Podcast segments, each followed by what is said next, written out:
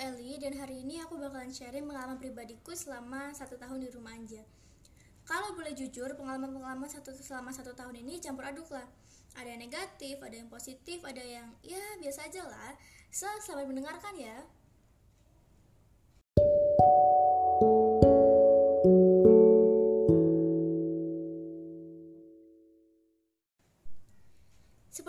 Aku bilang, pengalaman-pengalaman itu ada yang positif dan ada yang negatif. Dan kayaknya kita kayak negatif dulu aja deh, biar seru sedikit sebagai pembuka. Nah, jujur nih ya jujur, selama di rumah aja tuh aku bukannya makin produktif, makin rajin, makin pemberani, malah makin ya malas, makin dekat sama kasur dan malah makin malu buat keluar rumah. Sampai-sampai buat ke warung depan rumah aja sering balik lagi gara-gara ada anak cowok. Bela-belain buat dimarahin sama mama. Kayak beberapa hari yang lalu disuruh beli garam ke warung. Cuma balik lagi dengan alasan banyak cowok. Nggak pakai ancang-ancang kena amuk lah aku. Tepuk jidat kali ya mamaku punya anak kayak gini. Hehehe. Cuma menurutku wajar lah ya, soalnya memang udah setahun nih nggak ada sosialisasi dengan homo sapiens lainnya di luar keluarga. Tahu lah ya homo sapiens itu apa? Yes, manusia.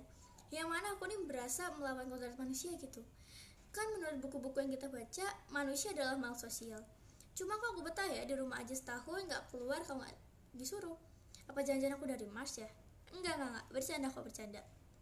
Dan sebenarnya hal ini cukup meresahkan buat aku pribadi. Soalnya dengan terus berada di rumah dan hampir 24 jam pegang handphone, kehidupan kesendirianku tuh makin parah. Membuat lebih sering begadang kalau malam. Sampai pernah ditakutin sama dia sendiri. Katanya, jangan di rumah malam loh kak, nanti diganggu loh sama hantu. Dan dengan pedenya aku jawab gini, nggak ada lah, lagian nanti kakak tidur cepet kok. Nyatanya, tidurnya jam 12 ke atas juga. Bukan tanpa alasan sih, Soalnya sosmed tuh makin malam makin asik. Banyak video-video lucu di TikTok, flash sale di Shopee yang selalu ngabisin duit sampai drama Korea manggil-manggil buat ditonton dan di rewatch. Duh, kalau ngomongin drakor jadi kangen masih Jongsuk nih main drama. Hehehe. Cuma itu bisa jadi warna kali ya, biar ada cerita dan kenang-kenangan saat udah dewasa nanti.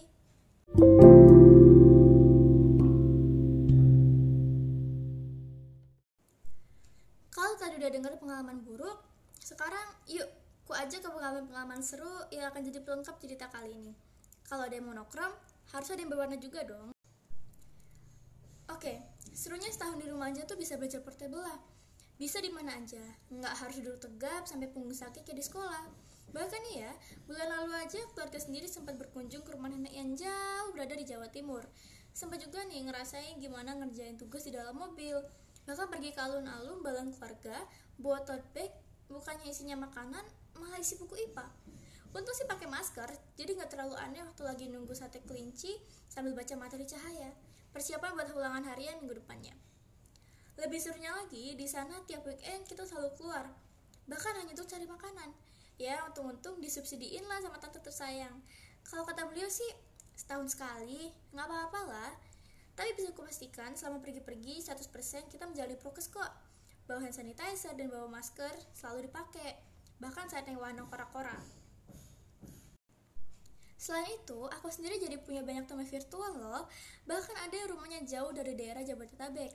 Ya, ada yang dari Malang, ada yang dari Banyuwangi, bahkan ada yang dari Riau, Sumatera bagian timur. Beda pulau nggak tuh? Tapi seperti yang kita tahu, kalau ada hitam, ada putih, ada baik, ada buruk ada negatif, ada positif. Semua rangkaian cerita selama setahun ini menjadi salah satu cerita yang worth it banget buat dikenang dan mungkin aja bisa kita ceritakan nih di kemudian hari. Mungkin 5 atau 6 tahun lagi, siapa yang tahu? Sekian cerita yang aku bagikan hari ini. Mohon maaf kalau ada salah-salah kata. Saya Elizabeth, sampai jumpa di lain hari. Dah.